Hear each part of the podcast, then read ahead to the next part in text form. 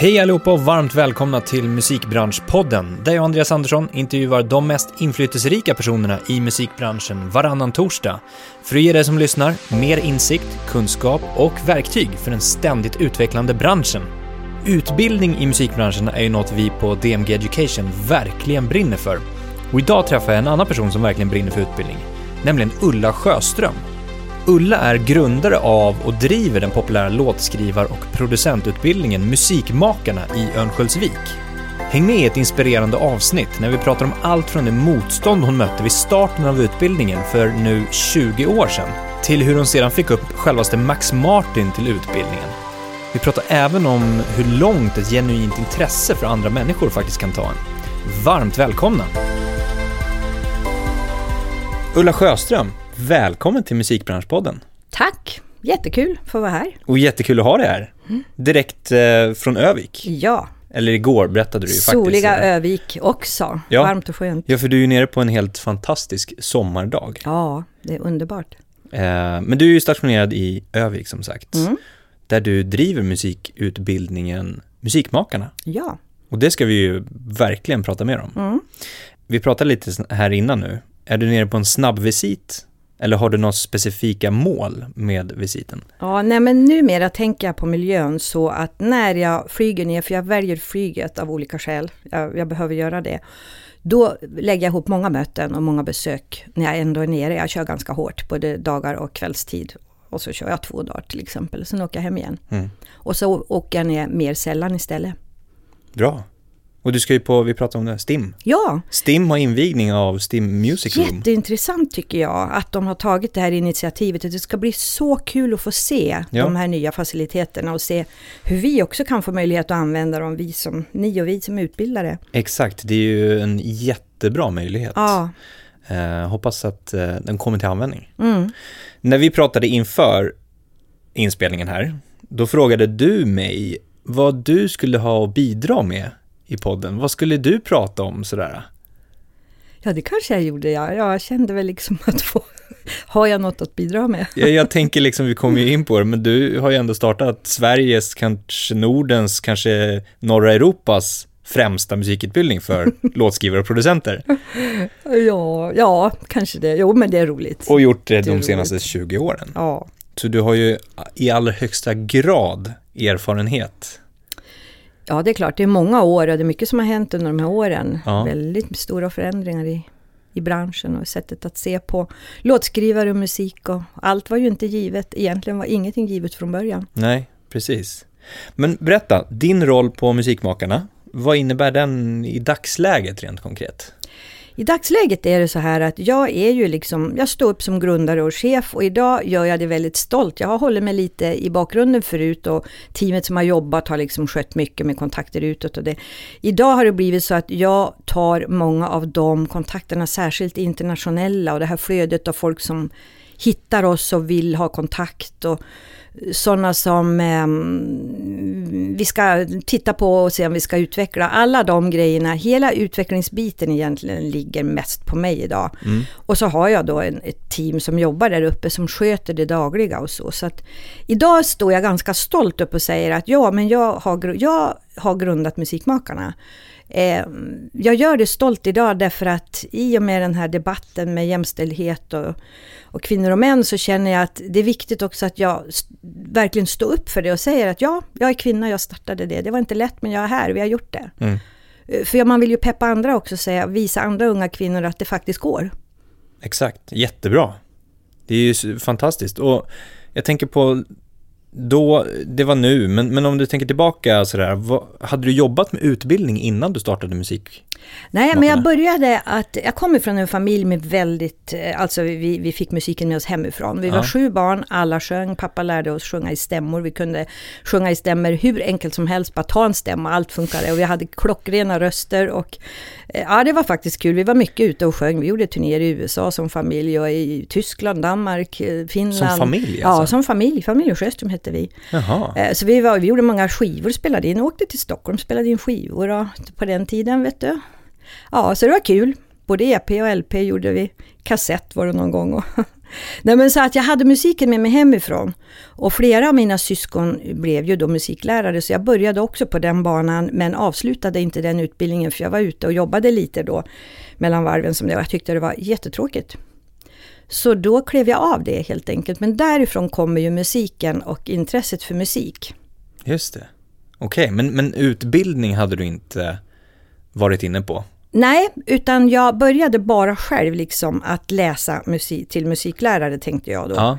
Och, och, så det var, jag har inte utbildat själv. Utan egentligen kom jag in i utbildning därför att när jag klev av musikläraridén så halkade jag på ett bananskal in i turismbranschen och reste som bara den med temagrupper och folk och byggmästare och alla möjliga. Manchester City FC la jag upp träningsläger för runt i Skandinavien fyra gånger. Du vet, jag gjorde alla möjliga saker. Och kom hem sen efter ett par år och kände att jag var så fullproppad med intryck från alla mina resor så nu orkade jag inte resa mer. Och då tänkte jag att det här måste jag dela med mig till någon. Jag måste använda det här så att andra får glädje av hur världen ser ut där ute och vad jag har fattat. Och då startade jag den första utbildningen och det var precis när den här yrkeshögskoleutbildningen som hette KY då, kvalificerad yrkesutbildning som försök, kom. Så då skrev jag en utbildning i turism och så fick vi den och så startade jag den. Och det var då när jag hade drivit den i typ tre månader, första hösten, som folk från kommunen och landstinget i, i Övik, Västernorrland, kom och sa kan inte du skriva en utbildning till? Och då såg de ju att den här var igång liksom och förstod konceptet. Mm. Och då fick jag fria händer. Jag sa, vad vill ni ha? Ja, du får fria händer, sa de. Bara den kan ligga i Övik. Och då sa jag, då kan jag egentligen ingenting annat än att då måste det bli någonting mot musik och kanske lite media. Det är det enda jag egentligen kan utöver turismen, som man kunde se framför mig. Så att det var så det började. Okej. Okay. Så det var, det var så liksom idén föddes någonstans? Ja. ja. Du fick lite påtryckningar och sen så kom ah. idén upp att, ja men okej, vad har jag närmast mig? De bad mig skriva en utbildning helt enkelt till och då hade jag ju precis lärt mig konceptet för just den här modellen yrkeshögskolan genom att jag hade fått en turismutbildning beviljad. Så jag hade det ju nära i, ja. i minnet så att säga. Så jag, ja, då var det bara att sätta sig och tänka, då blir det någonting med musik. Och vad finns inte? Och jag fick jättemånga förslag på olika ljudtekniker och, och, och studiehistorier och, och utbildningar inom musik. Men allt fanns ju redan. Så jag sa, jag vill hitta något som faktiskt inte finns. Och då fick jag hjälp med, av en kompis här i Stockholm som hade träffat Marie Ledin, Jocke Bergman hette han.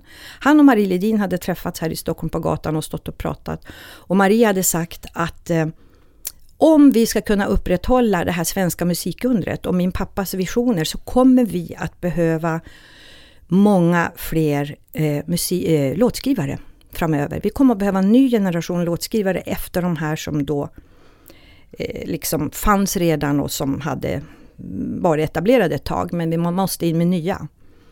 Så det var så vi kom på idén med låtskrivare. Okej, träffade du Marie sen och Nej. pratade om ja, det? Ja, jag har pratat med henne sen. Hon vet, jag brukar säga att hon är egentligen mamma till idén och så får väl jag vara mormor då som har drivit, den på, drivit på den. Maria har ju varit med i podden också sen tidigare, nu i höstas faktiskt. Ja, vad kul. Uh, vi pratar också lite utbildning och ja. just svenska musikundret. Ja. Um, men hur såg det ut, gick det lätt att starta igång det första året sådär? Fick ni, fick ni studenter som sökte dit? Som du sa, det är mm. lite mm. ändå Övik och mm. branschen mm. hände i, eh, i Stockholm. Mm. Gick det bra att få studenter dit? Eh, nej, det, det var, ja alltså vi hade inte många sökande.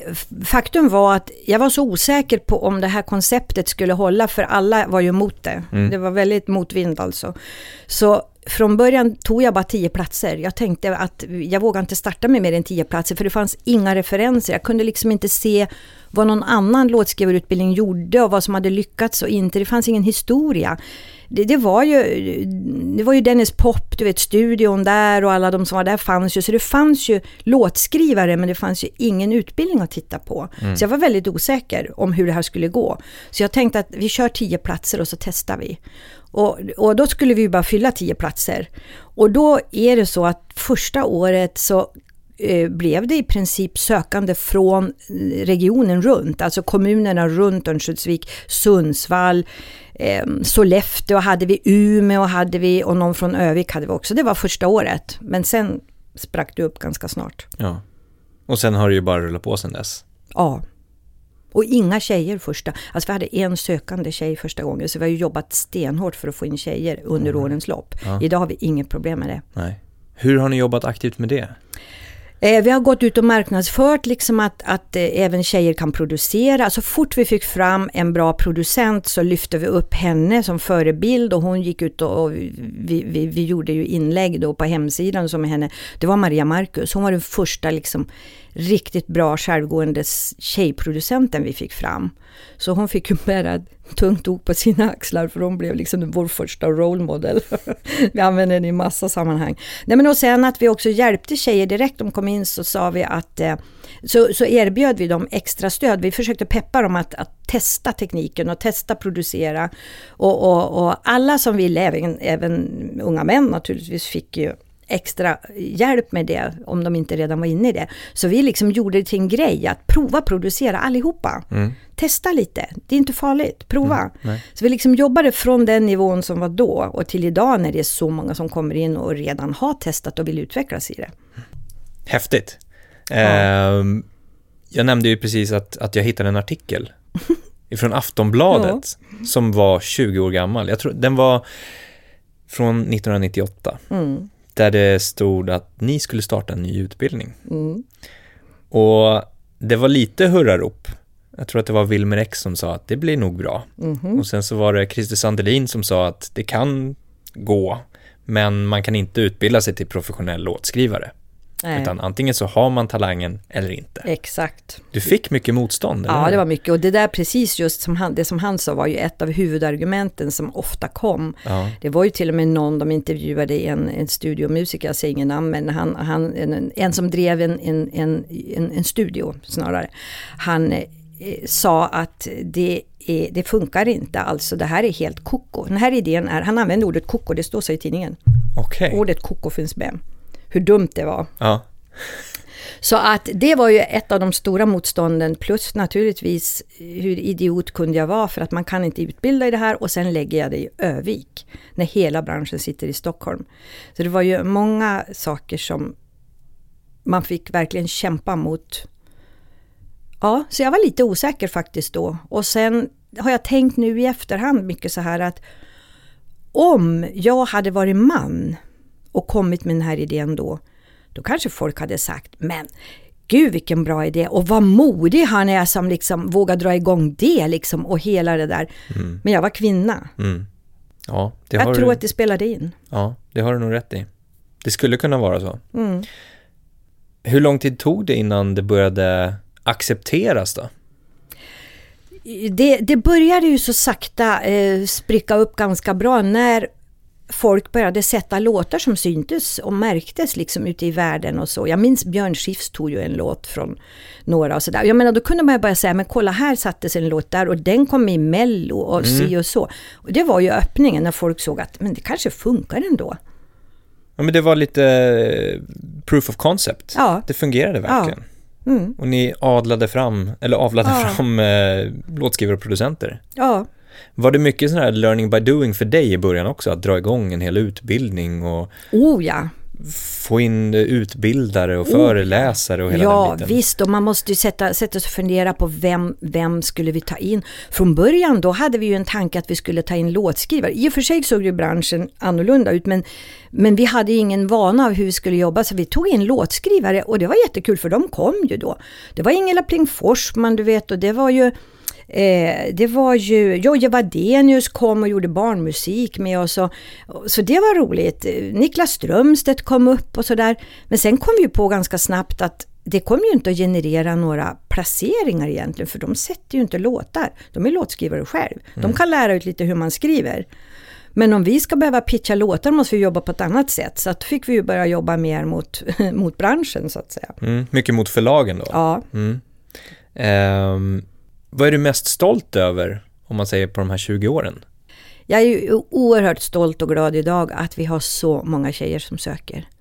Alltså unga kvinnor som söker. Och eh, då pratar vi inte om icke-binära och någonting här, för du vet ju själv att i YHs koncept så finns det två rutor att kryssa i, kvinnor eller män, när vi ska re redogöra för dem. Så om jag säger kvinnor i alla fall i det här läget, så är Precis.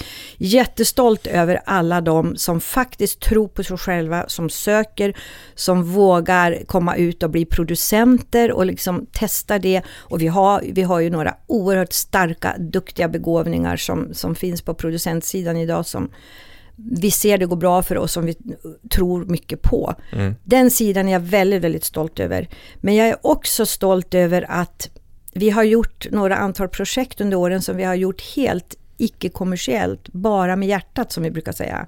Till exempel när den stora flyktingvågen kom så tog Örnsköldsviks kommun emot väldigt många. Vi hade 900 i Örnsköldsvik och det är mycket i en liten kommun som vår. Och då tog vi in dem till skolan och, och, och, jobbade med dem. De fick berätta sin berättelse och så gjorde studenterna en text på det. Det var otroligt rörande och sen gjorde, vi, gjorde de låtar av dem när mm. de hade fått okej okay för texten av den som ägde berättelsen då. Mm.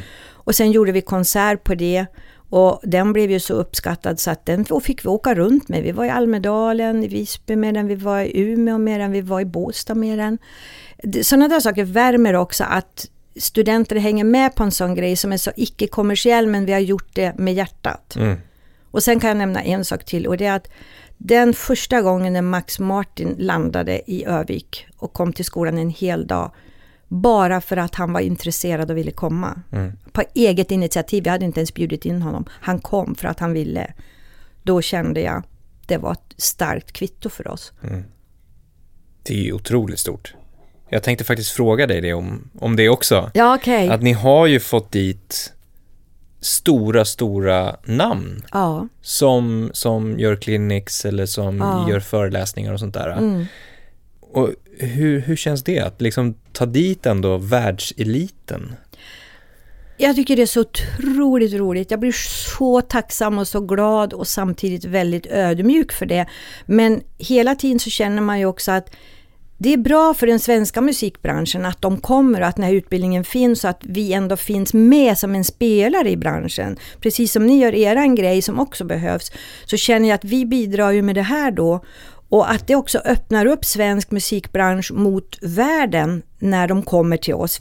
Det blir ju en öppning där som är väldigt bra. För det kommer ju faktiskt folk till oss som inte ens liksom har en massa känningar med branschfolk här i Stockholm. Utan det är många gånger att jag har introducerat sådana till bra kontakter som jag känner. Känner du dem? Känner du dem? Och sen har vi lagt upp att de ska ha besök i Stockholm när de ändå är här. Mm. Det gjorde jag senast igår med en gäst vi har haft nu från Los Angeles som åker hem imorgon bitti. Så han har möten idag bland annat som jag har styrt upp. Så då, då bidrar ju vi också till att connecta världen med oss. Så det, det är faktiskt jättekul och sen är det ju också det att för studenterna att se att de här faktiskt är intresserade av dem som talanger och deras låtar. Jag hoppas ju och vi ser ju att det hjälper dem i deras tro på sig själva och i en framtida liksom, karriär. Mm. Hur gick det till då? Till exempel när du fick upp Max Martin? Ja, det var så att vi fick inte upp honom. Han kom självmant. Han, han, ville komma. De meddelade att han ville komma. Och så hade vi en dag bokad för vi hade ut en fråga till MXM i allmänhet. De, de är ju ett av man säger, förlag och bolag som vi jobbar med så bjuder vi ofta in dem till olika uppdrag och så och alla har ju, får ju frågor. Vill ni komma upp? Vill ni komma och vara med på den dagen? Vill ni komma upp och lyssna på låtarna efter det här campet? Vill ni ge ett lead? Alltså vi, har ju, vi jobbar ju så. Eh, så naturligtvis hade MXM också fått en fråga men ingen av oss hade specifikt frågat efter Martin. Och så bara kom han med sitt plan och så landade de och så kände vi så kul. Det är jättehäftigt. Men ja. var det också så jag vet inte om jag har hört det från dig, men att du inte berättade för studenterna? Nej, vi berättade det inte. Utan bara tog in honom? Ja, eh, alltså det var så här att Julius var med, första gången han kom, då var Julius med och Julius är ju lite lång sådär. Så att jag minns så väl att, jag tror att det var Jerry, vår kursledare, som gick först och så med Julius in i klassrummet. Och Martin hade ju aldrig varit förut så jag gick efter med honom och öppnade lite dörrar till studios så vi gick förbi. Så jag sa så här ser ju våra enkla studios ut. Så jag visade honom liksom när vi gick förbi. Så vi kom ju precis några sekunder efter. Och då hade alla redan fattat att ja men nu är ju Julius här liksom, kul han är här från MXM och alla applåderade när han kom in i klassrummet. Och sen kom jag strax efter och före och Martin gick sist. Och när han kom in, då blev det bara knäpptyst. Det var precis som att du bara la locket på in i klassrummet. Alla drog efter andan. Jag minns det så väl. Och då blev det liksom bara... Och folk trodde inte sina ögon liksom att han var där. Det var, det var en häftig Det är dag. häftigt. Ja, det, var det är häftigt. jätteballt. Mm. Men vi tyckte, när vi fick höra att han skulle följa med, tänkte vi att det kommer att betyda så mycket för dem, så vi vågar inte säga det. För tänk om han blir sjuk eller inte kommer, då har vi byggt upp förväntningar som, som blir... eh, Nej, det är bättre att vi ingenting säger, tänkte vi. Värsta surprisen. Ja, det var kul. Häftigt. Men de blev väldigt nervösa när de skulle spela upp låtar kan jag säga. kan jag De var mig. så nervösa. Men du, många, eh, det, det, ni har ju liksom, många låtskrivare och producenter kommer från musikmakarna under alla de här åren. Mm. Tänker du någonsin på att det är du som faktiskt har skapat de här förutsättningarna för att de här producenterna och låtskrivarna ska få producera och lära sig och sen bli professionella? Alltså jag tänker inte så. Jag tänker att jag tänker att vi har ju gjort det här tillsammans. Det är ju branschen som har varit med. Alltså vi måste ju tacka branschen som är med och jobbar med oss också. För utan deras medverkan har ju inte blivit något. Alla de här duktiga talangerna som kommer som, som vi skapar förutsättningar för, men det är ju ändå de som är talangerna. Och så teamet som vi är på plats. Jag, jag tycker det är ett, ett stort lagarbete. Jag känner inte att det är min förtjänst på det viset. Jag känner bara att japp, jag vågade dra igång den här idén. Jag kan känna så här. Jag vågade dra igång den här idén mot alla odds. Jag fick mycket skit. Jag var faktiskt ganska nere ett tag. Jag tänkte, ska, är det värt att hålla på med det här? Ehm, men sen så kämpade jag mig ut på andra sidan och kom på fötter igen och, och bara, då blev jag ännu mer... Jag bestämde mig för att antingen lägga mig ner och dö här nu och strunta i det här eller så kör jag. Och då körde jag ju. Så det kan jag känna att jag är glad att jag kämpade på. Men det är ju allas förtjänst.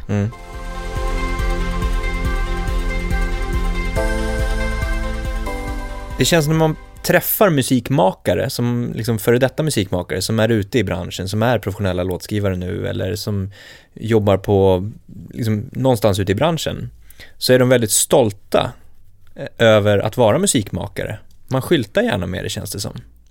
Ja, det kanske är så. Det är väl kul i Jag har så fått fall. den känslan i alla fall att eh, har, man, har man gått musikmakarna så skyltar man gärna med det för att man är stolt över Det är, det är roligt. Om det, om det är ett varumärke för dem så är vi bara glada. Precis. Men, men vi är också glada för hela... Jag, jag känner så här att vi har ju också ett ansvar här i Sverige för för tillväxten av låtskrivare för svensk marknad, men även i hela världen, att vi bidrar till den, att vi bidrar till varumärket Sverige och det, så kan det vara en, ett av alla brands, så att säga, för att stärka Sverige i världen Mm. när det gäller musik. Och den här kreativa näringen som musiken är, då är det ju jättebra. När det gäller då undervisningen, Ja. Hur jobbar ni med att hålla den up to date så att säga? För det händer ju väldigt mycket, Mm. både tekniskt sett när det gäller att produce- producera musik men också eh, kreativt. Mm. Hur, hur jobbar ni med det? Vi lyssnar och lyssnar väldigt mycket och, och kollar upp väldigt mycket. Jag läser väldigt mycket själv. Jag läser ju rapporter och alla, alla artiklar jag hittar.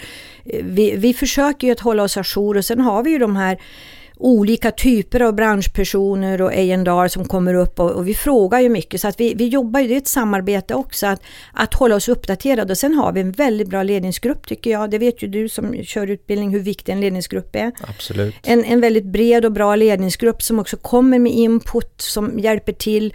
Så egentligen jobbar vi på alla fronter med att, att lyssna in, aha, så det kommer nu, okej, då måste vi haka på det. Eller jaha, så det här är inte lika intressant längre, då måste vi kanske ta bort lite av det. Så hela tiden bygger man ju om. Mm. Vilket är en väldigt bra form när det gäller utbildning, just YH-formen. för Exakt. att kunna ha ett, ett ramverk men sen lyssna till vad branschen faktiskt eftersöker för Ja. kompetenser. Precis. Eh, och kunna använda det och putta in det när det behövs. Mm. Och speciellt i en sån svängande bransch som musikbranschen. Ja, och där kan man ju känna att yrkeshögskolemyndigheten har ju egentligen väldigt noll koll på den här typen av utbildning som vi bedriver. Alltså de, de förstår inte det här dagliga arbetet och den kreativa näringen så som vi gör, utan de tittar ju precis som du säger på ramverket, funkar det? Följer de YHs lagar och regler? Funkar den här biten? Och det är väldigt bra att de ändå ger oss det förtroendet för att skulle vi begära att de skulle liksom godkänna alla steg vi tar och alla förändringar vi gör från ett år till ett annat för att vi ser att nu måste vi göra det här. Då skulle det inte gå. Nej, exakt. Och det krävs ju i den snabbföränderliga branschen. Mm. Alltså bara för några månader sedan så började vi jobba med verktyget um, Chartmetrics Mm. för att det krävs i branschen. För att Mm. ledningsgruppen säger att men, i princip alla bolag jobbar med det här för att Mm. mäta olika sorts data. Mm. Och då behöver vi också jobba med det. Mm. Så det är en sån form att ja, men då får vi plocka in det och matcha Ja. det i en specifik kurs Mm. eh, så att studenterna är redo. Mm. Ni, eller du, fick ju nyligen pris av regeringen, Mm. eller hur? Jag fick ta emot det men det var ju till Musikmakarna. Det var till Musikmakaren. Ja, Mm, men det var fantastiskt ett hederspris. roligt. Ja, Berätta det mer om var- det. det var ju vid musikexportprisutdelningen som sker på UD så, så delar man vissa år bara när man tycker att det finns anledning, att det finns någonting att man vill lyfta särskilt, så delar man ut ett hederspris. De som har fått det tidigare, det är utdelat tre gånger tidigare bara. Och det har gått till Esa-Pekka Salonen, han talar ju för sig själv. Det har gått för, till Ten Music Group för allt vad de har gjort internationellt. Det är ju också obvious så att säga. Och sen har det gått till Spotify för att de bildade Spotify, grundade Spotify. Och sen fick vi det. Det var ju bara så otroligt roligt. Jag, jag var så glad så jag, jag gick på moln i flera veckor efteråt. Det förstår jag. Mm.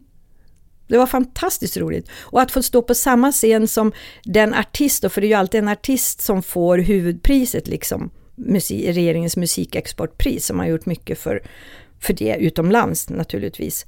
Och det var ju Ludvig Göransson. Och att, att få stå vid hans sida när han får sitt pris och vi får vårt. Och så var det Thomas som fick för, för allt vad han har gjort i branschen. Thomas Johansson, det var ju också jätte, jättekul. Häftigt. Det var så, ja det var, ja det var så hedrande. Hur gick det till när du fick reda på att ni skulle få priset? Eh, jag fick reda på det med ganska kort varsel att vi skulle få det. De bara eh, liksom kollade upp att du kommer väl i år igen och det var inte så konstigt för att det har de gjort flera år i rad och liksom tyckt att det är kul om musikmakaren är på plats, om jag tar med mig några studenter för att det ska finnas några liksom verkliga låtskrivare på plats och så, inte bara tjänstemän och, och andra. Eh, så det, det har vi gjort förr, så det var inte jättekonstigt, men sen fick jag ju veta att vi skulle få det här. Och, och då blev jag ganska nervös, men då var det ju så hemligt så jag fick inte säga det. Ah. Alltså jag sa ingenting. Hur fick du med dig studenterna då? Nej men det var samma som förra året. Jag ja, sa, vill ni ja, hänga med? med dem ändå. Vill ni ja. hänga med och, och vara med på priset? För det är lite kul att se. Mm. Det, det kommer vara någon häftig person som får det i år. Jag, vet, jag visste vem det var då, jag hade fått veta det då med kort varsel. Mm. Men det var ju också hemligt. Så jag sa att det kommer ju vara någon väldigt bra representant för Sverige som får priset i år igen nu då. Så det är kul att vara med och få se det. Ja. Och även Så hederspriset kommer att vara en... Nej, det sa jag inte. nej. Nej, jag sa inte det. Utan de kom bara för att få vara med. Ja. Och sen när det hederspriset kom och så nämnde de i inledningen så började de säga att i Örnsköldsvik och då bara hörde jag där bakom skynket där vi stod när man skulle gå fram. Ja! Liksom alla skulle, wow, wow! då hade de ju fattat att det var på gång. Det är en stor grej. Mm, det är en det verkligen. Vi var inne på det här med kontakter och kontaktnät och eh, att du, du är väldigt duktig på det. På något sätt så känns det som att du känner väldigt många personer. Och pratar man med dig så skulle du säkert bara ta upp telefonboken och, och ha vilken kontakt som helst. Hur, hur kommer det här sig? Ja, men jag är väl kanske en nätverksbyggare. Jag ser ju värdet i att ha många olika sorters kontakter och människor runt omkring mig i det här byggandet och utvecklingen av utbildningen för skolan och för studenterna och för vårt team när vi ska jobba. Det är, jag tycker det är så, så viktigt. Och dessutom är jag intresserad av människor. Mm. Jag tror att det kan komma faktiskt lite grann från, från den här perioden när jag jobbade så mycket med turism. För tänk dig då att du åker iväg till Kina till exempel med en grupp på 30 pers som är byggmästare från olika bolag i Sverige som ska dit och studera hur de bygger mot jordbävningar. Ja. Alltså du måste verkligen sätta dig in i snabbt, vad gör de, varför är de här, hur tänker de?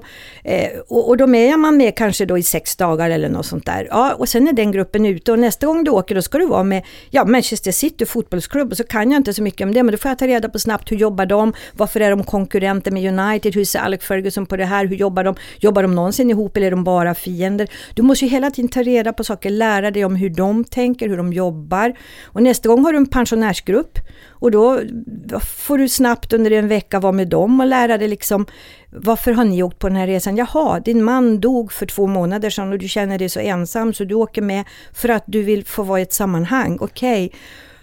Så det handlar mycket om det här med att vara intresserad av människor och skaffa sig lite, lite människokännedom också tror jag i grunden. Mm. Men sen blir det ju då specifikt för den här branschen att man tittar, vad gör den?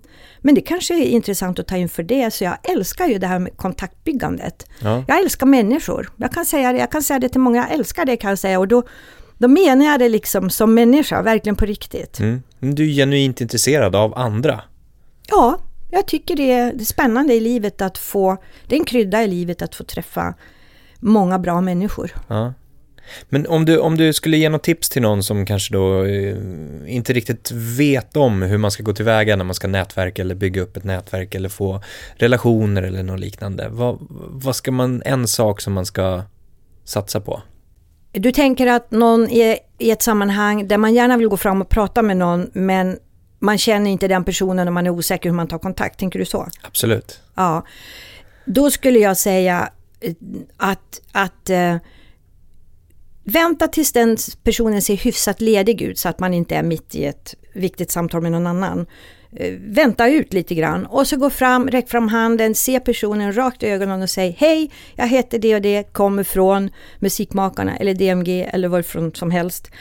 Och jag tror inte vi har träffats men jag, jag har läst på, jag, jag har ju sett dig eller läst om dig och jag tycker det är så intressant. Har du en minut att prata med mig? Eller jag skulle bara vilja hälsa eller ta bara en första kontakt först och mm. etablera mm. den. Mm. Börja så. Mm. Och sen är det alltid bra att ställa frågor. Det är ju det jag tycker är så intressant att fråga, men, men vad gör du här? Vad håller du på med? Jobbar du också med musik i ett sammanhang där man träffar helt nya människor? Mm. Och, och, det kan man också göra ställa frågor är bra. För då kommer man ju in i ett samtal. Mm. Personer gillar oftast att prata om sig själva. Så att får man frågor ja. om varför man är här, mm. vad man gör, så gillar man oftast att prata om det. Ja. Och du kan lättare få igång en konversation. Ja. Vi fick ett annat bra tips av en kursledare, ja. våra studenter, som pratade för någon vecka sedan om om du är på ett event eller ett mingel eller mm. någonting. Mm. Det första du gör är att gå tvärs över hela rummet mm. som är. Mm. Um, inte i syfte att liksom spana in någon specifik person, mm. utan att mer få en känsla för rummet, mm. få en känsla för personer som är där, uh, men också att andra personer ska lägga märke till dig. Mm. Så att ta en repa rakt genom mm. hela rummet, vänd om och gå tillbaka och liksom scanna av lite grann. Och sen gå in på det tipset som du gav då, att Kolla okay. vilka som är här. Ja, mm. exakt. Och jättebra tips är också att titta inför. Mm. Precis, kolla listan. Det brukar, det brukar jag faktiskt göra. Och jag brukar titta vilka är med. Om du får en deltagarlista, ja. är jättebra att kolla upp vilka är här. Exakt, eller Facebook-evenemang. Ja. Där kan du se vilka mm. som eventuellt ja. kommer komma. Ja, och då ser man ju om det är några man tänker, men den har jag inte kontakt med. Mm. Den jag är intresserad av, det är ju hon som gör det eller han som gör det. Mm. Och kunna förbereda frågor. Ja, att, att, att göra lite research, lite som ja, jag gör på, ja. på poddgästerna här. Ja, just det. Gör lite research så mm. man vet vad man ska prata om och gräva någonting som mm. kanske, wow, det där har inte jag pratat om på länge, men Nej. det vill jag jättegärna göra. Jag förstår, ja. Jag tycker research är viktigt överlag. Vi brukar säga det till studenterna också, att kommer det nu en ny föreläsare som de inte känner till, mm. gör lite research på den. Ja. Vad tycker du om det här med, jag ska ju också på den här STEAM Music Room och mm. prata lite om, om eh, vikten av fysiska möten i en digital värld. Mm. Och vad tycker du om det här med att bygga ett nätverk, ett digitalt nätverk? Finns det en risk med, jag har lite tankar och teorier om det nämligen, mm. um, att det finns en risk att man uh, stänger in sig för mycket i det digitala. Mm. Alltså om jag ska tala för mig själv som älskar att träffa människor och att mm. liksom se dem i ögonen och känna hur, vad kan vi göra tillsammans? Hur, hur, vad har vi för intressen gemensamt, så är det väldigt svårt att göra det digitalt. Jag känner ju att visst, eh, man kan ha eh, digitala möten på olika sätt, men det, det, man kan inte bara ha det. Man kan göra det som en uppföljning. Men, men ett, det här personliga mötet, att verkligen känna in, vem är den här människan? Eh, klickar vi tillsammans? Känner vi att åh, vi har bra idéer ihop? Det, det får du inte riktigt på de här digitala. Så jag tror det är jätteviktigt att mm. göra både och. Mm. Och framförallt med alla digitala verktyg. Jag mm. tänker på nätverksbyggande, eh, mm. Facebook och LinkedIn mm. och liknande. Att mm. egentligen inte se det som att det är där du skapar relationen, Nej. utan att det är där, det är ett hjälpmedel. För att du kan upprätthålla, du kan säga hej igen, Precis. eller vad kul, eller tagga någon eller gilla någon eller något. Så att man liksom är där. Ja. Men, men jag, för min personliga del så bygger jag aldrig relationer så. Jag, jag vill träffa människor. Ja. Det kommer inte hålla i längden att ha tiotusentals kontakter på LinkedIn. Nej. Men att ha en i verkligheten ja. kommer slå mycket, mycket högre mm. än de 10 000. Ja. När det gäller kontakter och sånt där så känns det också som, när jag träffar andra människor så är det egentligen ingen mm. som har någonting negativt att säga om dig heller. Oj. Jag tror jag aldrig har hört det riktigt, utan det är mer tvärtom, helt tvärtom, att du är en sån genuin och trevlig människa och åh, Ulla, oj. hon är ju superhärlig.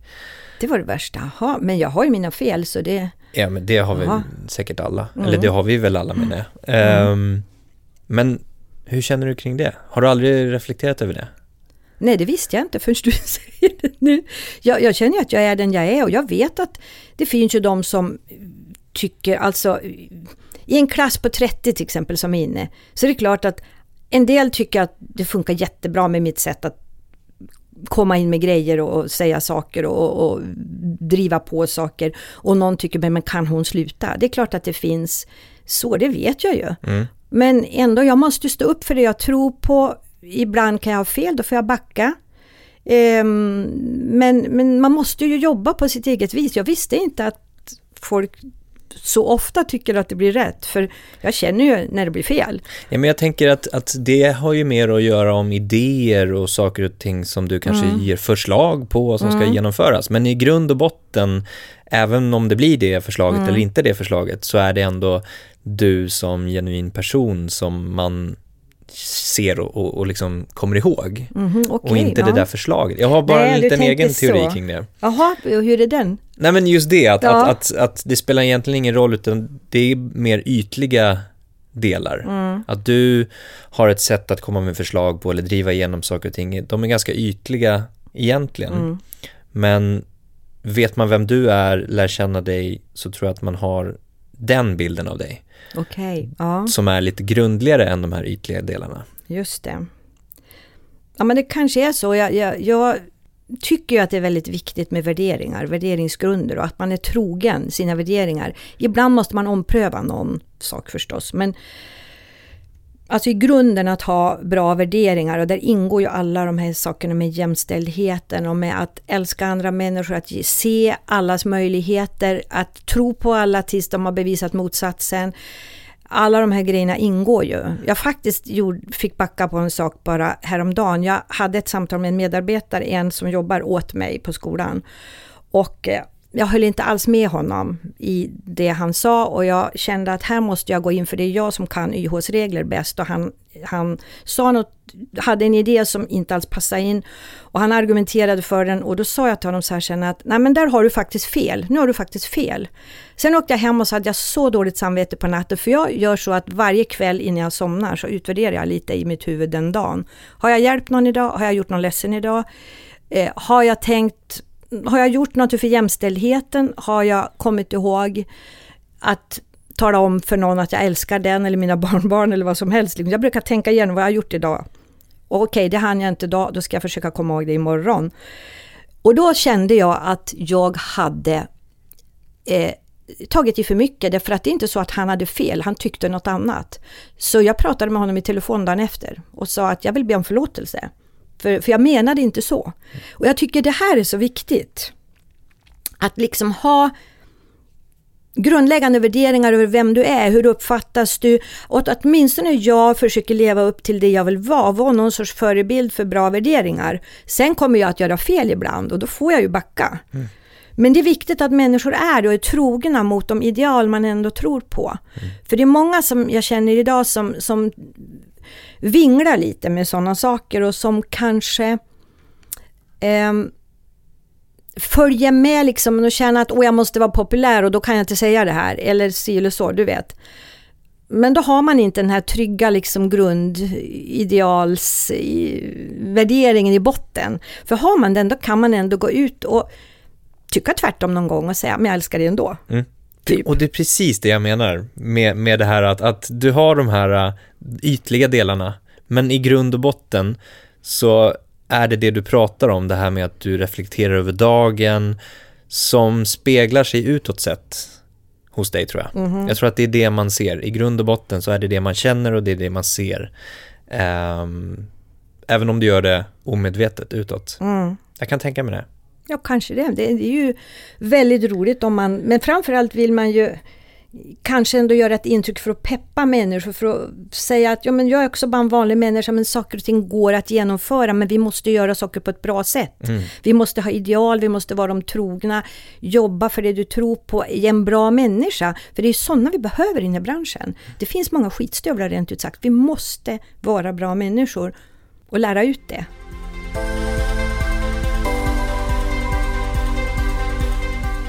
Jag tänkte vi ska gå in på ämnet låtskrivare och producenter lite. Ja. Um, och hur har de här rollerna, alltså om man säger dem som två roller egentligen, hur har de skilt sig under tiden, eller hur har de ändrats under tiden med musikmakarna? Har man skilt på dem? Har man inte skilt på dem? Eller ni? Jo, från början var det ju så att vi, det var väldigt tydligt att du var producent eller du var låtskrivare, topliner eller liksom, det var, det var mycket mera vattentäta skott mellan förut. Eh, det var det. Och vi jobbade på ett annat sätt också med, det var, det var, branschen var ju helt annorlunda med förskotten och med hur man liksom köpte låtar så att säga, köpte citationstecken, hur man jobbade med det var ett helt annat sätt. Och sen energiförsörjningen då gick åt skogen och alltihopa bara följde ett svart hål och, och, så började jag om då med det här med streamingen och det som fick man ju ändra allting så.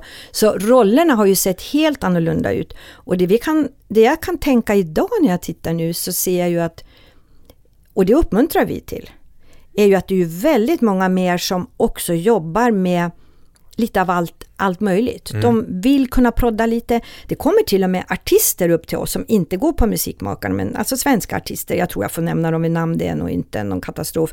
Till exempel Molly Sandén, till exempel Oscar Sia, som säger kan jag få komma upp och bara sitta i er miljö och lära mig lite mer av Logic, för jag behöver kunna mer när jag är inne i studion och jobbar som artist. Och de känner ju också det här behovet som vi då kör också på skolan med att det är bra att kunna lite, det är bra att förstå vad proddaren gör, även om du inte vill vara med som medproddare. Co-production så kan du förstå vad de gör, då kan du påverka mer och en del tar för sig att börja med vokalprodd och liksom lär sig mer och mer så. Så jag ser ju att rollerna ser helt annorlunda ut idag. Så att även om du egentligen är jätteduktig på lyrics, det är din största grej, så vill du kunna lite av det andra ändå. Och är du duktig producent så är du mycket mer inne idag och nosa på att ja, men jag ska nog vara med på den här liksom, texten ändå, jag sätta den för att den ska funka bra mot det här som jag tänker, den här biten och det. Så det är mycket mera lagarbeten och samarbeten och bredare idag, mm. kan jag tycka. Och dessutom är det ju så att vi ser just att det är många fler artistämnen som kör artistprojekt. Och då vill de ofta också kunna lite mer. Jag tänker på studenterna också. Väljer de någon specifik inriktning under utbildningen? När vi tar in dem, vid antagningarna så kollar vi ju. Vad ser du dig själv som? Det har de redan fått skriva och vi, vi kollar ju lite, sitter och pratar med dem. Och då, då får vi en bild av att man, han ser sig idag som producent. Hon ser sig idag som potentiell, jag vill bli producent, jag håller på med det till exempel. Eh, men sen ser vi ju att innan året är slut så har de, kan de komma ut som någonting helt annat. Mm.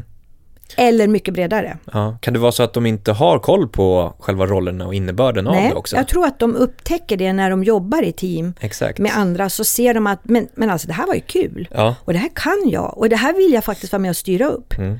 Så ibland slutar de som någonting helt annat än vad de trodde. Mm. Och vi tar Maria Marcus som var den första som exempel. Hon trodde ju aldrig att hon skulle kunna lära sig producera. Det upptäckte hon på Musikmakarna. Mm. Jag kan ju faktiskt göra det här och det var helt från eh, ingen idé om att hon skulle bli producent till att komma ut som en väldigt duktig kvinnlig producent, en Mm. av de första. Vi ser ju lite liknande inom vår utbildning, Music Business Developer. Ja, Att man har den målsättningen att det är väldigt tydligt att man antingen vill- bli manager eller A&R eller Ja. jobba med synk eller Okej. vad det nu skulle kunna vara. mm, Men att man under utbildningen inser att okej, det finns andra roller eller de här rollerna jobbar på det här sättet och det var inte riktigt alls som jag trodde. nej. Man har en uppfattning av hur det ser ut Mm. utifrån sett men när man väl sätter sig in i det så kanske man får en annan bild av vad det faktiskt är och ändrar inriktning. Ja, precis. Jag, jag, jag förstår det. Och, och det är ju ganska bra att vi kan erbjuda dem den här möjligheten i den här miljön där de ändå är för att utvecklas och utbilda sig. För att tänk om de hade bara trott på att jag, det här ska jag göra och så går man bara in och jobbar med det. Och så missar man liksom begåvningar och talanger och intressen som man har som man kan ha jättestor glädje av att få bygga in. Mm. Och jag tänker just i så här inspiration och sådana saker när man skriver låtar. Mm. Jag vet ju bara mig själv att jag får inspiration av det kan vara alla möjliga olika saker. Jag var på ett seminarium om, eh, trafik i Stockholm. Framtidens trafik. Okej. Har ingenting med musik att göra. Nej, inte mycket Eller utbildning. Men jag blev så inspirerad. Mhm. Så att jag kom ju på massa häftiga idéer Okej. som spann vidare, men med det jag håller på med. Mm, mm. Och att våga bredda, liksom, bredda sitt synsätt för Mm. att bli inspirerad där man minst anar det. Mm, mm, tror jag är jätteviktigt. Och lite den liksom inriktningen där, Mm. att man, man kanske vågar ta ut svängarna och vara, skriva text Mm, på det sättet eller Mm. våga producera i Logic här och så. precis, Testa på. exakt. Tror du att, ehm, eller tycker du att personer utanför branschen har koll på de här rollerna? Eller slänger man sig lite också sådär med, med uttryck? Du tänker de som inte är i musikbranschen? Ja, precis. Nej, jag tror att de har dålig koll. Ja, ja men det jag tycker tänker- jag märker hela tiden. De, de fattar ju inte vad vi gör Nej, riktigt. Men alltså inte, inte negativt så. De, de tycker det är jättekul men de, de har noll aning om hur det här byggs upp. ja. Är de nyfikna? Alltså sådana som du pratar med som inte har koll? Är man Ja. nyfiken på att, wow, hur Man är nyfiken. Eh, till exempel, vi hade besök av den nya landshövdingen för Västernorrland för inte länge sedan, en kvinna. Och hon kunde ju ingenting om musikproduktion så. Hon var, var så intresserad, hon ville gå runt i studion och hon bad studenter spela upp något så hon skulle få se hur det kom upp på dataskärmen samtidigt som hon skulle förstå, är det här det du lägger, är det där det där som du säger basen nu då? Ja. Så hon verkligen liksom var, hon var riktigt genuint intresserad. Och, och sen var jag ett annat sammanhang, ett möte där det var utbildningsanordnare i hela Västernorrland med. Och hon hade initierat mötet, så det var på landshövdingsresidenset i Härnösand. Och då sitter hon där och säger, ja jag hade ju förmånen att få vara på Musikmakarna nyligen och, och, och förstå hur de jobbar liksom. Så att jag tror att det finns, alltså alla ser att svensk musik är viktig. Väldigt många svenskar älskar musik i olika genrer. Men få förstår hur den är uppbyggd om man inte jobbar med den. Men eftersom det in, musik och svensk musik är så intressant och många är stolta över den svenska musiken så tror jag att det finns ändå ett intresse om man får chansen att fråga och förstå. Mm. Om vi går in på egenskaper som man bör ha som, vi kallar det för kreatör, Mm. Sam, samlingsnamnet kreatör, låtskrivare, topliner, producent. Mm. Vilka egenskaper bör man ha här när man går in i en professionell roll efter en utbildning till exempel?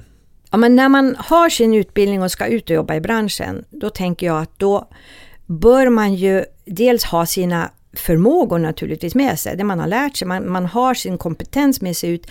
Men det är jätteviktigt också att man är en lyhörd människa. Till exempel ska du jobba i team, vilket du ofta gör i den här branschen, så måste du ju vara en flexibel människa som klarar av att jobba med vem som helst, att fokusera på uppdraget, att vara professionell, inte låta dig dras iväg känslomässigt av att någonting stör dig, utan så bara fokusera på det du ska göra. Du måste vara en, en ganska öppen och flexibel människa. Tolerant, Ja. kan jag Inom, känna. inom flera olika områden Ja, också. ja, jag känner det. Inom business-sidan, Ja. inte bara den kreativa. Nej. Om man tittar på hur eh, kreatörer har liksom presenterat eller representerat sig själva mm. så har ju det också ändrats lite grann om man tittar på digitaliseringen. Mm. Och speciellt då från när ni startade för 20 år sedan så fanns ju inte Facebook och Nej. Instagram och alla de grejerna. Knappt internet hade ju knappt kommit igång. Nej, precis. Det var Ja. några år senare som det Mm. blev en boom. Mm. Ehm, men hur har det här liksom ändrats i, i, i liksom hur man presenterar sig som kreatör?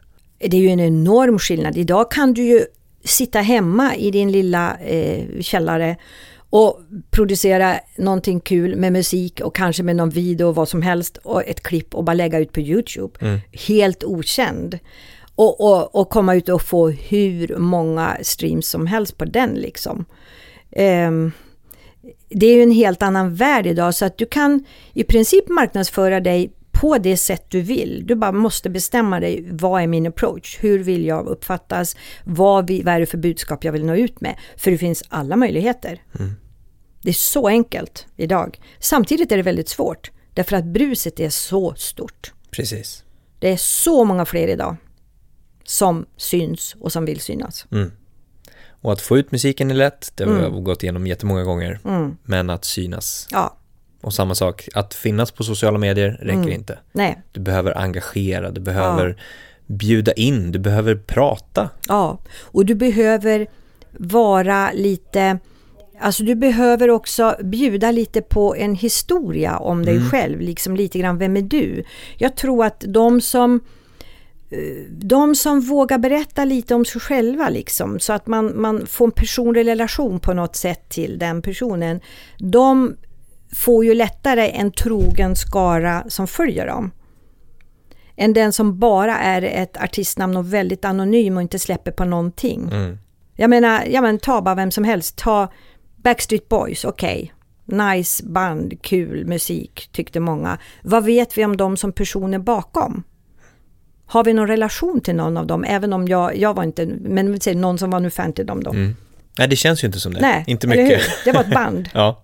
Men idag så är det ju många som skapar en personlig relation i sitt artisteri och sitt, sin, sin, som kreatörer också. Mm. Och det tror jag gör att folk känner igen sig och, och knyter an till dem på ett annat sätt. Mm. Och vi har varit inne på det, vi har ju sett att, att rollen här, den kreativa rollen som producent, låtskrivare, topliner har professionaliserats Mm. mer och mer de senaste ja, men 20 åren sedan ni startade. Vad tror du om framtiden för låtskrivare och producenter? Kommer, man se, kommer vi se liksom ytterligare pro- professionalisering på något sätt? Jag tror att alla de här olika kanalerna och medier, sociala medier och plattformarna och alltihopa där, det kommer ju bara öka. Vi har ju inte sett den, eh, vi har ju bara sett början av Asien än. Tänk hur stort är Asien på musikmarknaden när den, ah, hela, hela den världen kommer igång.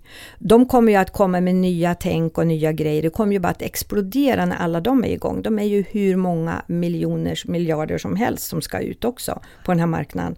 Så jag tror att vi kommer att få se så mycket nya olika sätt att profilera sig på, att synas på. Eh, tek- tekniska lösningar som vi inte vet idag. Det kommer att bli hur mycket som helst. Så frågan är ju bara hur behåller man sin plats och sitt varumärke där ute Mm. när alla andra kommer in? För, för jag är säker att det här kommer att bli en jättegrej. Ja.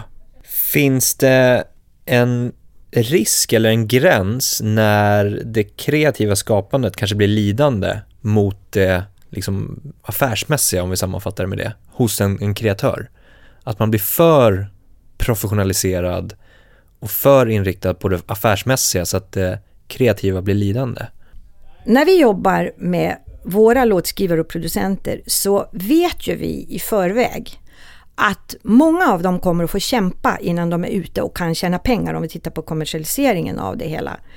Eh, yrket, det är ju inte så att de oftast går ut från musikmakarna som färdig student därifrån och sen direkt ha hela sin försörjning klar. Utan snarare säger vi att det kommer att komma några hundår. Det är få som bara lyfter direkt så. Det kommer att komma hundår och då måste man kombinera det med att göra en enkel budget åt sig själv och tänka så här mycket pengar måste jag dra in för att ha, kunna leva och bo. Och så får jag inte tappa min kreativitet? Så här gäller det att hitta en balans. Och det ska man vara medveten om från början. Att det, det, kommer ju inte, det är väldigt få som bara drar iväg. Utan man måste göra det här och ändå ha chans att jobba med sin kreativitet så att man kan utvecklas och gå vidare och sen förhoppningsvis nå alla sina mål. Mm. Och då, då är det ingen skam, säger vi, att sitta i kassan på ICA varannan helg till exempel. Eller att man kör halvtid på ett ålderdomshem eller vad som helst för att ge en de pengar man behöver. Och huvudsaken är att man strukturerar det på ett smart sätt så att man känner att man verkligen får tid för sitt kreativa skapande. Så att man har de här dagarna och kvällarna när flödet kan komma och man inte känner att åh nej nu måste jag stänga ner datorn och gå på det här. Utan att man verkligen ger sig själv den möjligheten också. Man måste hitta en bra balans där tjäna de här sura pengarna som man måste ha in från början mm. tills, det, tills man har en, en, en hyfsad inkomst. Sen är det ju de här som tjänar väldigt mycket pengar, det är en annan sak. Eh, jag tror att man kan bli mätt. Titta på, jag ska inte säga några namn, men titta på några som går väldigt, väldigt bra och tjänar väldigt, väldigt mycket pengar. De behöver ju inte sitta och vara kreativa på samma sätt längre, för de kan ju roa sig med att åka omkring och göra andra roliga saker och leva livet och och så det är klart att då tappar man nog lätt lite kreativitet för att den finns ju där ofta när man är i vissa stämningar. Och jag tror att man flyttar de där stämningarna en aning när man har tillräckligt mycket redan. Mm. Det här med utbildning och att fortsätta utbilda sig mm. efter en formell utbildning. Det måste ju vara, eller vi tycker att det är någonting som man bör få med sig från utbildningen också. Att, att fortsätta med ett livslångt lärande, mm. kan man väl kalla det. Um, har du några tankar kring det? Ja, absolut. Jag känner ju bara för min egen del att jag har så mycket kvar att lära och jag går gärna på olika föreläsningar och föredrag och läser artiklar och rapporter och liksom skaffar mig. Jag vill hela tiden veta mer och det måste ju den som går ut idag och som är ung idag kan ju inte tro att det här kommer räcka hela livet utan det är ju viktigt att haka på. Kommer en, erbjuder STIM en intressant föreläsning, gå på den. Eh, eh, erbjuder Polar Music Talks en intressant eh, debatt, gå på den.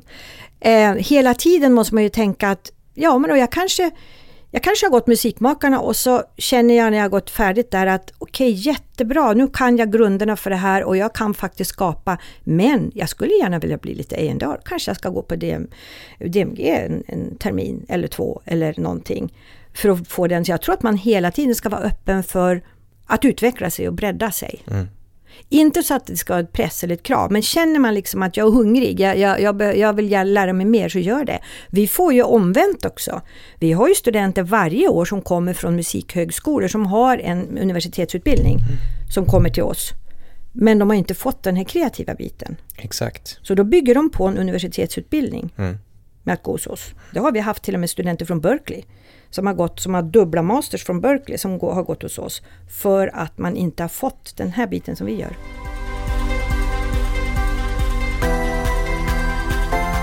Nu har vi varit inne på andra mm. och musik. Bara innan vi går in på tips som vi ska avsluta med. Vad värdesätter du själv i en bra låt? Jag älskar snygga arrangemang och unika röster, alltså det är verkligen min grej. Snygga röster, beskriv den. Unika röster. Unika röster. Ja, snygga, snygga arrangemang. Jag älskar sådana här clever arrangemang som jag känner liksom annorlunda när man verkligen har lekt lite och, och, och ackorden, jag älskar alltså när du bygger ackordföljder som inte är väntade utan att det, det, jag blir överraskad, det mm. älskar jag. Och sen älskar jag också som sagt unika röster när jag tänker att men åh, vem är det här? Så till och med när jag bara hör något, jag måste slå upp och kolla, vem var det där? Mm. Det, det älskar jag när jag blir överraskad. För jag hör så otroligt mycket ny musik idag. Och mycket är ju jättebra, men mycket låter lite lika också om jag får vara ärlig. Så är det ju. Mm. mm. Så det är vad vi säger till studenterna också, att hitta någonting nytt, någonting unikt. Mm. Och till slut då, lite tips. Vad bör man tänka på om man vill utbilda sig? Man är eh, kreativt lagd och man vill utbilda sig på något sätt som låtskrivare eller producent. Vad bör man tänka på här? Om man vill bli kreatör inom låtskrivande och musikproduktion, inom den genren, liksom det området, då ska man börja med att tänka att konkurrensen är stor. Det är svårt att få ett jobb direkt, att få pengar direkt. Så är det här verkligen min dröm, då ska jag ge järnet. Då ska jag prioritera det framför allting annat. Jag, jag kan inte tänka att det är en 40 timmars vecka, utan det är ett hårt jobb men det är vansinnigt roligt. Och då ska man söka sig till det man tror är alltså det som ligger närmast det man vill bli. Vill man jobba med det här administrativt, då ska man ju hitta en utbildning som er. Vill man jobba kreativt ska man söka en utbildning som till oss. Kommer man inte in, ge inte upp, för det är svårt att komma in också. Eh, ta en utbildning då som finns som är närliggande där man kan utvecklas ett år. Vi har de som går hos oss som har sökt fyra år i rad och som kommer in nu. Mm. Så det är inte omöjligt men det är ju ett hårt jobb. Mm. Det är inte en lätt bransch. Men den är kul. Det är det verkligen. Ja. Du ska få en fråga från förra gästen vi hade, Maria Swedenström på Warner. Hon ställde frågan, vad tror du är en grej eller en sak som alla kan göra i vardagen för att förbättra jämställdheten? Ja, jag känner så här, jag är lite äldre idag än, än tidigare och jag tänker så här att det är så otroligt viktigt att vi alla tar ansvar för att göra jämställdhet till en helt självklar sak hemifrån. Så alla som har barn hemma borde sätta sig ner och tänka igenom hur jämställda är vi hemma? Hur lever vi det till vardags utan att vi ens, det ska komma utan att man behöver tänka på det. Man ska implementera det så att barnen tar det för givet hela tiden. Och vi som då till och med kanske har barnbarn kan ju titta på det så, syskonbarn kanske man har. Att man hela tiden lever med att man är själv också en förebild för det. Att, att jag jobbar, jag tänker jämställt, nej men vad konstigt, hur blev det här? Liksom att man tar upp det och vågar prata om det. Så att jag, jag, tänker att vi måste göra det, för det är inte bara skolans ansvar, det måste komma hemifrån. Så kan skolan bygga på det. Det tycker jag är en jätteviktig sak. Men personligen, jag har svårt att säga att ja men samla så här många um, skräp ute och skicka in så, så har du gjort en jättebra nytta för miljön kan man ju tänka. Men, nej men det går, jag, jag, jag har svårt att hitta den. Men jag tänker att varje kväll innan jag somnar så tänker jag på liksom just de här bitarna. Eh, har jag hur har dagen sett ut? Vad kan jag tacka för idag? Vad kan jag göra bättre imorgon? Vad gjorde jag fel?